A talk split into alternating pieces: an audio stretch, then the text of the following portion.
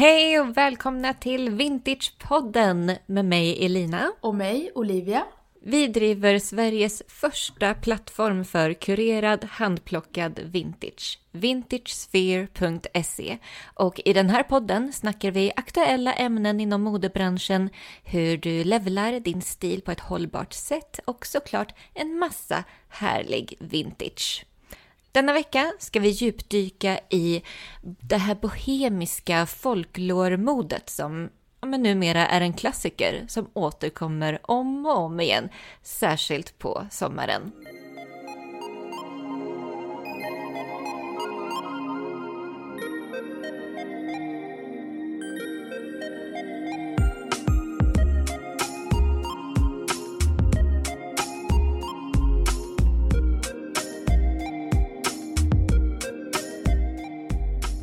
Okej okay, Olivia, folklor, bohemiskt mode.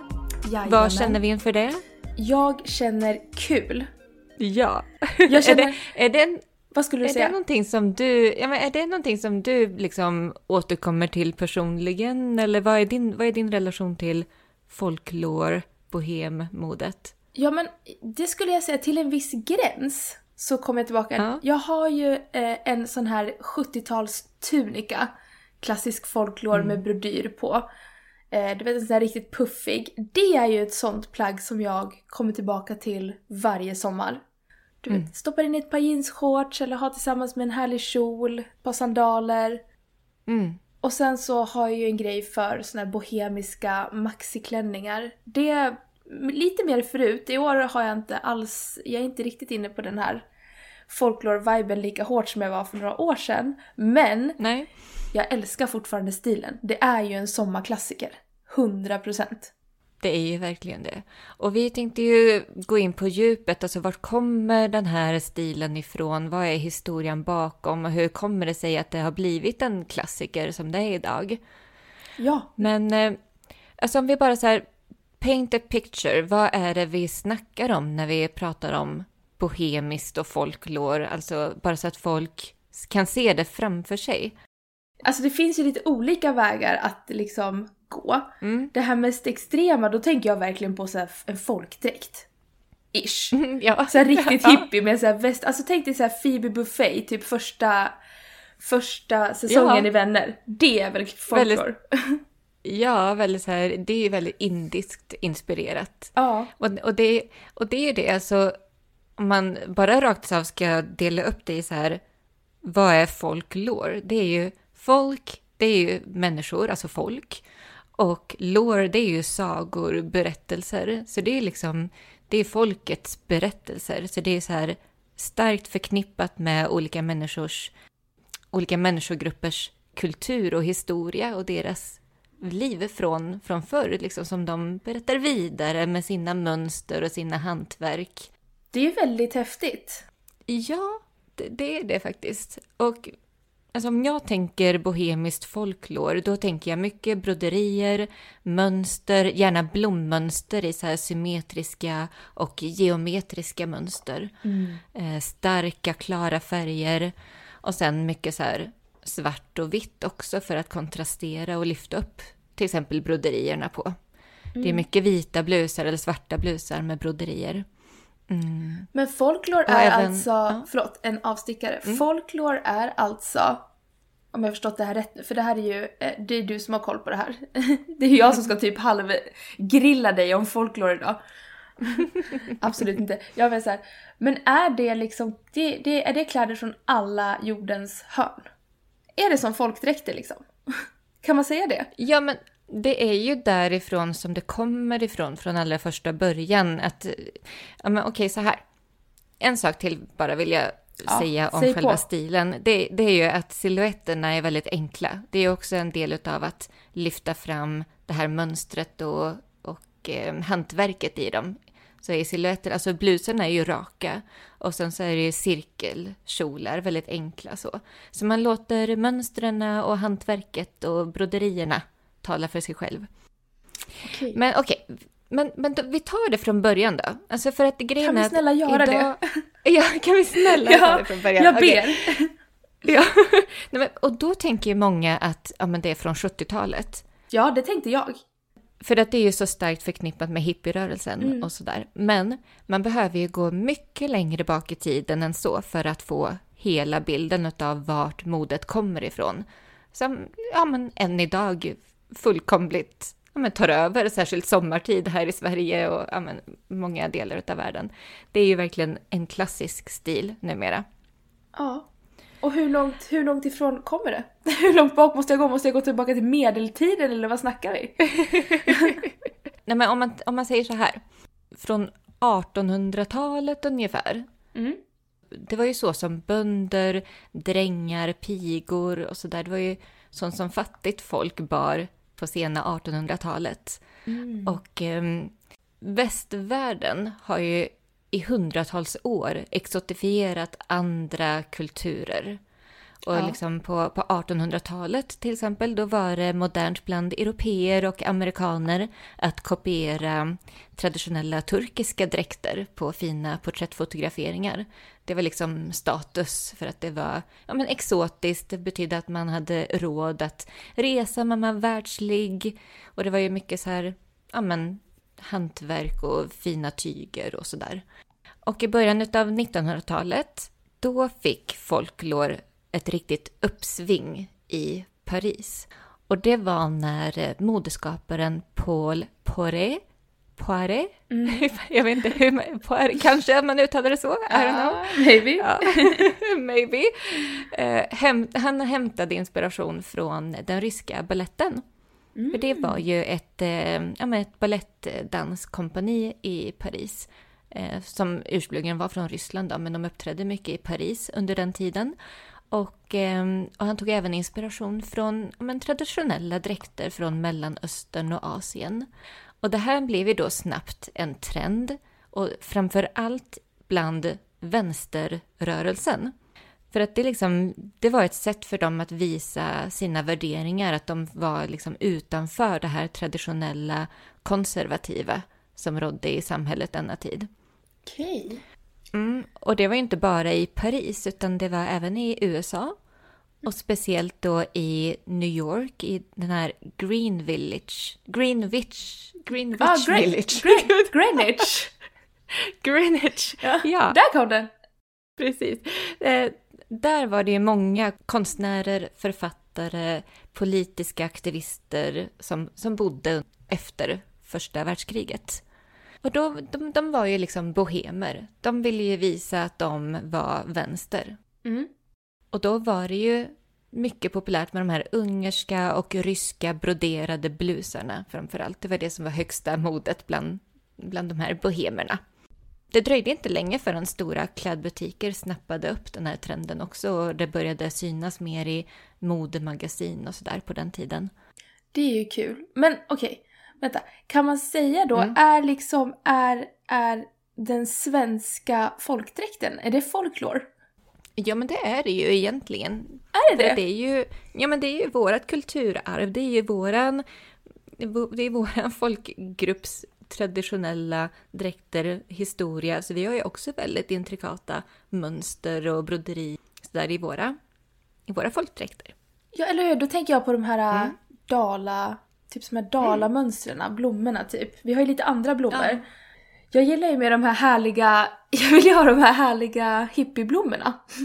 Ja, exakt. Ja, men det är, det är väl det som är det här att man vill ha det exotiska, man vill ha det som är utanför sin egna, sitt egna kulturarv. Mm. Det, är ju, det är ju det som är lite coolare, lite mer exklusivt, lite mer dyrt så. Jag kommer i en turkisk folkdräkt nu på midsommar istället för att jag, jag känner att det är lite mer exotiskt så.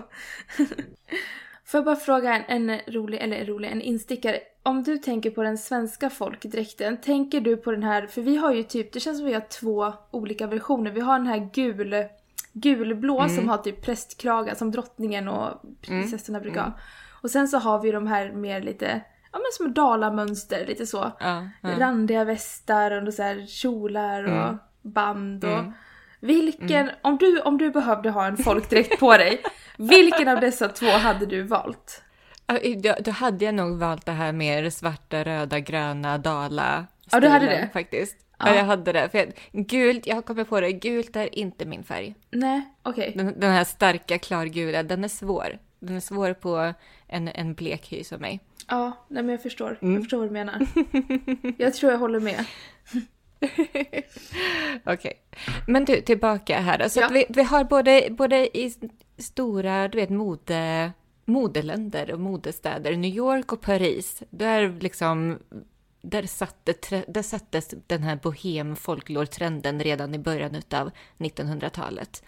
Och eh, i Paris så var det ju ryska emigranter som eh, de behövde pengar, de började brodera traditionella mönster och särskilt från ett, eller åt, åt ett företag som hette Kitmir som sålde broderade tyger.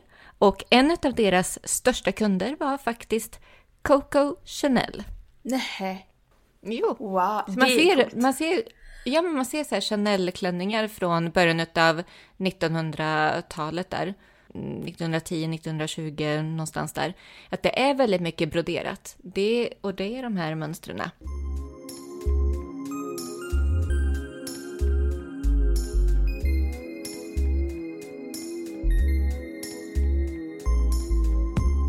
Och sen så finns det ju även alltså andra, som du säger, svenska, skandinaviska, Österrike. Alltså det, de har ju också mönster som har kommit in i, mode, i modet och blivit trendigt på olika sätt. Till exempel eh, om de här stick, stickade tröjorna från norra Skottland. Det finns ju ett särskilt mönster som heter Fair Isle mm. mönster. Och eh, om man kollar på skidmodet så är det mycket från Norge och Österrike. Och det här, och då, och då nu pratar jag typ 30-tal, 30-40-tal. Mm. Och även våran, våran eh, favoritdesigner Elsa Schiaparelli, oh. som vi har nämnt ett antal gånger i podden. Hon eh, lånade ju bland annat inspiration från österrikiska tyroldräkter i hennes mode på 30-talet. Okej. Men jag mm. tror att det, alltså när jag, jag personligen, det enda jag har tänkt på när jag liksom har hört folklore, det har liksom varit den här, alltså det är de här blusarna, de här klänningarna med typ klockade ärmar, lite såhär medeltid, mm. någon väst. Mm. Men nu säger du till mig att det är liksom väldigt mycket mer med i den här stilen. Alltifrån skidkläder och koftor till allting. Ja, ja. Ja, det var spännande. Det hade inte jag riktigt uppfattat. Ja, men det är, det är ju så många det är ju det, det är världens alla olika folkgruppers kulturella historia. Deras hantverk, deras broderier, deras mönster. Det, det är ju folklor alltihop. Och sen så det som vi kallar idag för folklor, det är ju väldigt en, en, misch, en mischmasch utav alla de här grejerna. Men, mm. men vi kommer till det. Okej, okay, förlåt. Vi kommer ja, till det. Ja. Jag ska hold my horses. Okej, okay, vi var på 30-talet. Ja. Vi, vi håller oss, vi tar så här tidsmässigt här nu. Så yes. nu är vi på 30-talet. Och det här tyrolermodet från Österrike, det blev ju ett stort genomslag på 30-talet. Och det, det, alltså mode och historia är ju väldigt väl sammankopplat. Det, modet är ju ett uttryck för sin samtid. Så i alla fall, på 30-talet blev det väldigt modernt med de här, du vet det här typiska mönstret på dindelklänningar. Det jag pratar om är de här horisontala ränderna utav småblommor. Det är så här småblommigt mönster i ränder som går så horisontalt. Ja, så. ja, ja, ja, jag förstår mm. vad du menar. Mm. Jag fick mm. googla. ja. ja, och de är så gulliga. Ja, de är jätte, jättefina. Och det är ju supermodernt nu igen. Ja. Men i alla fall, en, en side-note på, på detta var att kvinnor på 30-talet, de fick ju liksom låta kreativiteten ta plats när de skulle vara moderiktiga. För att det var ju inte som idag, man kunde köpa, köpa det senaste modet hela tiden, utan det var ju, kläder var ju dyrt.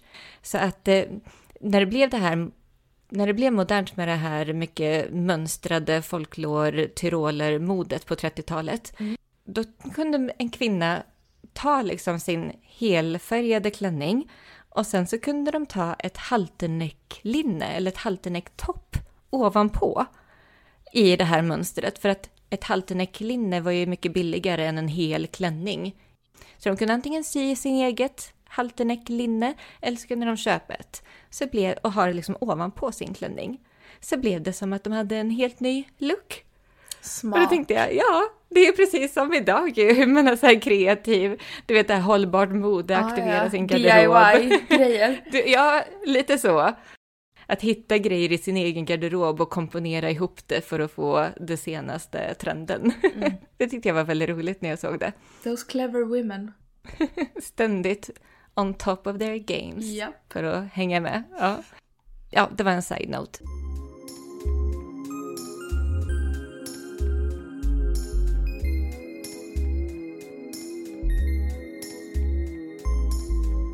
I USA var det också populärt att hämta inspiration från traditionella mexikanska mönster. Mm. På den tiden. Alltså, och särskilt då, det blev ju så här ett semestermode. Särskilt typ broderade herrskjortor, ponchos och så olika cover-ups att ha till stranden. Där blev ju det här mexikanska väldigt populärt på 40-talet. Oh, jag tänker på så Frida Kahlo. Precis. Okej, så nu är vi på 40-talet och det är väl typ här när andra världskriget tog slut som folklortrenden blev ganska omodernt. För att då kom ju Dior och the new look. Kvinnligt, slik, elegant mode. Mm. Då blev ju den här folklortrenden blev väldigt omodernt. Det kändes tört. Det kändes ute det kändes väldigt ute då när the new look kom. Mm. Men, men den levde ändå kvar hos de här beatnik-människorna, beatnik-kulturen på 50-talet. De, de, är ju fortfarande vänsterfolk, vet du, och det är ju någonting med vänstern och andra kulturer som de går så himla väl ihop. Ja. så, att, mm, så att de liksom, det, det levde kvar hos beatnikarna. Ja. Så de blandade ju mycket in, för de ville ju vara lite eklektiska. De skulle ju vara intellektuella, de skulle vara världsliga. Så de hade lite inslag av Mexiko och Peru och Indien så för att ja, markera att deras samhörighet och vad de var för människor. För att liksom ställa sig utanför samhället. Och nu kommer vi ju in i det som vi idag tänker på så mycket med folklore och bohemmodet. Alltså för att ur beatnikrörelsen föddes ju hippiekulturen eller hippierörelsen. Ja. På 60-talet. Det är nu det börjar. Det är nu det börjar. Det jag det känner igen. Ja. ja, men precis. för att alltså hippierörelsen, det var ju verkligen, det var ju naturen, det var ju det naturliga. Samtidigt som det var ja, men flower power, anti-war, sex, drugs and rock'n'roll. Men var de här på 70-talet då? När mm. hippiemodet, mm. eller hippiemodet, när folklore vart populärt inom hippierörelsen. Mm. Körde de då att de liksom tog riktiga gamla folklorkläder eller var det mycket ny, nyproducerad folklore? Att det vart liksom nytänd, nytändningspopulärt även i butikskedjor och sånt? Det kom faktiskt lite senare. Mm. För att hippierörelsen, det var en grej och alltså, den var ju väldigt, väldigt stor. Det var ju hela ungdomskulturen och visst, det fanns säkert butiker som sålde det redan så när, när det började, men det var inte det som det var inte det som var det största utbudet i klädbutikerna på sent 60, början av 70, för det här var ju väldigt ungdomligt, väldigt så street så. Mm. Det, var, det var faktiskt först senare som de stora modehusen följde efter. För att 1976 först så skapade YSL, alltså Yves Saint Laurent, skapade sin ryska kollektion. Som ja, var inspirerad av traditionella ryska folkdräkter. Så det är så roligt att tänka att, att det var en sån stor del av modet på sent 60, början av 70-tal. Men att det, det kom liksom en... Det tog en lång tid innan de stora modehusen kopplade på att jaha, det här, det här vill folk ha, det här är en grej nu. Det var liksom 1976, är typ nästan ett decennium senare. Ja. Om man tänker Summer of Love är 68, 69, alltså Woodstock och hela den grejen.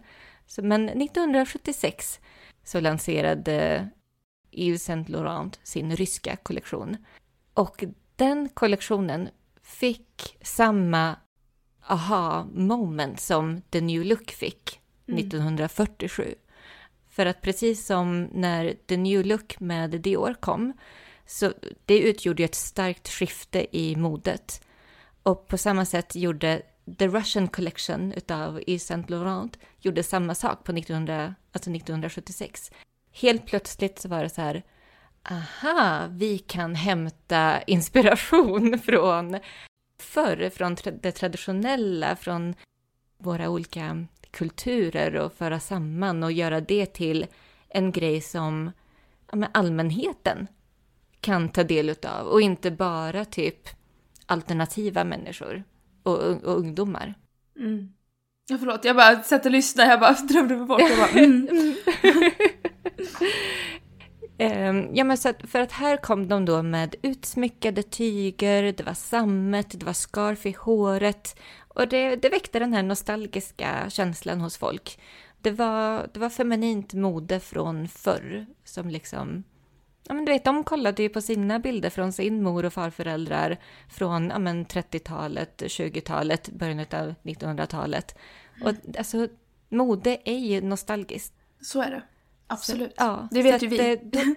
Det, det, det, vet ju vi, ja. Och det, jag läste en artikel och då var det, eh, då stod det så här att det var en art critic som heter Pierre Schneider som eh, ja, men han skrev om den här Russian Collection då från Yves Saint Laurent. Han skrev så här, och då säger jag på engelska. Here we can see how artful fashion has become in its interpretation of history. It is not nostalgia for the past, but for the eternal present, beyond the past. Mm. Och det är så här, ja. Fint. Men det känns så självklart nu hur vi plockar inspiration från förr hela tiden så som vi, så som vi ser mode och trender idag. Mm. Det är ju ständigt att se tillbaka och ja men 90, 80, 70, 60, 50, 40. Vi plockar ju ständigt inspiration från 1900-talet. Men, men här 76, det var som att man först då kom på att, att man kunde göra det nästan. Ja. Det är ganska spännande. Det är väldigt spännande. Alltså jag tycker ja. sånt här är så intressant. Jag älskar ju sånt här. Ja, jag älskar också sånt här. Och se också hur, ja men modehistoria, det är så himla spännande hur mode och historia liksom flätas samman och hur det går parallellt så och förklarar ja. världen och samtiden.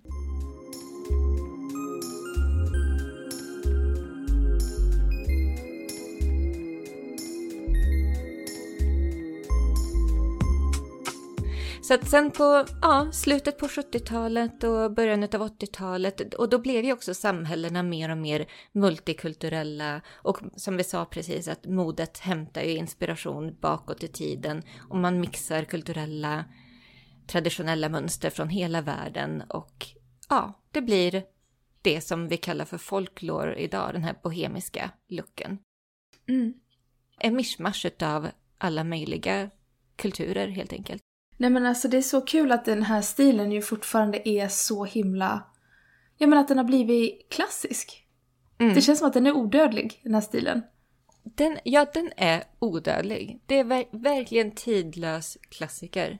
För det som är kommer ju... om och om igen. Och just eftersom det är de här folkdräkterna också, så är det ju verkligen historiskt laddad. Ja, och jag kommer att tänka på en grej, att det känns som att det här bohemiska folklore det är väldigt på sätt och vis starkt kopplat till feminism. Mm. Alltså man tänker hur, hur ja men tänk så här, början av 1900-talet när det här blev så, det här, när det här blev en trend först i Paris och USA bland bohemerna, vänsterfolket. Mm. Det var ju första vågens feminister. Mm, det är sant. Och samma sak, igen blev det ju sen en stor trend på 70-talet. Och det är ju andra vågens feminism. Sant. Du ser, man kanske mm. ska mm. införskaffa en folkdräkt. alltså man, man behöver inte gå folkdräkt, men man kan ju liksom ändå ta, ja du vet, plagg med broderier, starka mönster. Nej, nej, jag känner, varför inte gå all in?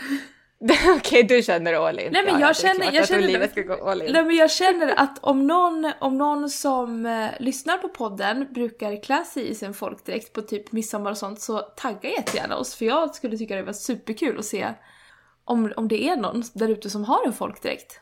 Mm. Jag, vet, jag vet att min mamma har en men hon har, jag har aldrig sett henne i den. Det är så här, jag tror det är min farmors så gamla eller något. Men det, det vore ju kul att se om någon fortfarande har sin folkdräkt på sig. It's a look. Ja. It's a vibe. It's a look. Men alltså jag tror att det kommer mer och mer. Men nu tänkte jag ju inte framförallt på just folkdräkter Nej, när nu jag tänker vi på det här. Men, ja. men, eh, det var jag som gjorde en instickare. ja.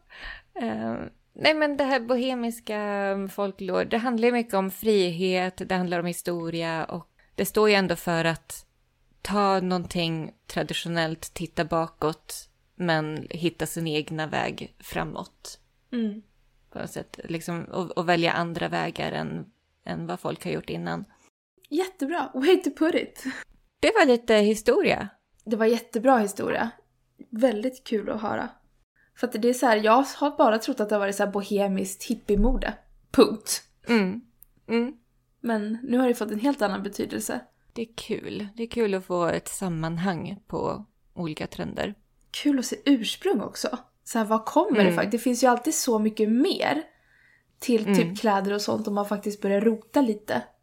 Men mm. på tal om, det finns ju faktiskt en liten anledning också till varför det varit en liten historielektion om just folklore i veckans mm. avsnitt och det är ju för att imorgon så släpps det en eh, ny kollektion på hemsidan på vintagesphere.se. En ny kollektion handplockad vintage och vad kommer den kollektionen innehålla? Men ja, en massa härligt bohemiskt och folklore-inspirerat mode. Jajamän. Ja, men som jag pratade om i förra avsnittet, det är väldigt inspirerat utav Medelhavet, södra Frankrike, Provençal. Ja. Och det är ju väldigt de här starka grundfärgerna. Gult, blått, rött. Men mycket så här blommönster och broderier och Ja, det är alltså inte, vi ska inte släppa en kollektion med folkdräkter. Det är inte det vi ska släppa. Utan det här blir, vad, vad heter kollektionen? Mm. Jag tog ett glas cola här. Ja. Eh, kollektionen kallar vi för eh, Provençal 70s Summer. Mm. Vilken mm. dröm. Så det är inte så mycket Peru och Indien och Mexiko som eh, folklore också kan vara, utan det, det är mer Frankrike, Sverige, Spanien, Italien. Jajamän. Där. Där rör vi oss. Där rör vi oss. Där stannar vi. Åh oh, gud. Ja. Åh, oh, jag är sugen på att resa igen nu. Jag känner det. När du sa alla mina favoritländer i en och samma mening. Ja. Eller hur? Mm. Mm. Men det är ju som att man kan resa när man tar på sig en outfit. Det är, är sant. Plötsligt så är man i Italien mm. eller på den franska rivieran eller ja. Oh, det är det som är så härligt. Oh. Det som är så roligt. Mm.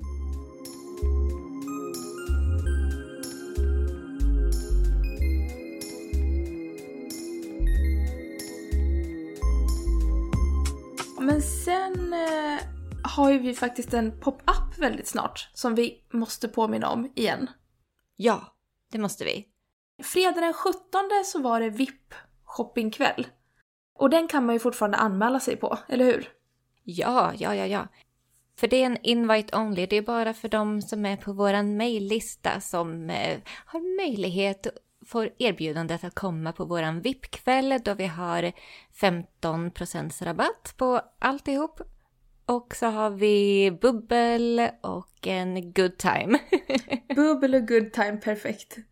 Mm, och då kan man gå in på vip.vintagesphere.se ifall man vill få en inbjudan för att komma på det eventet.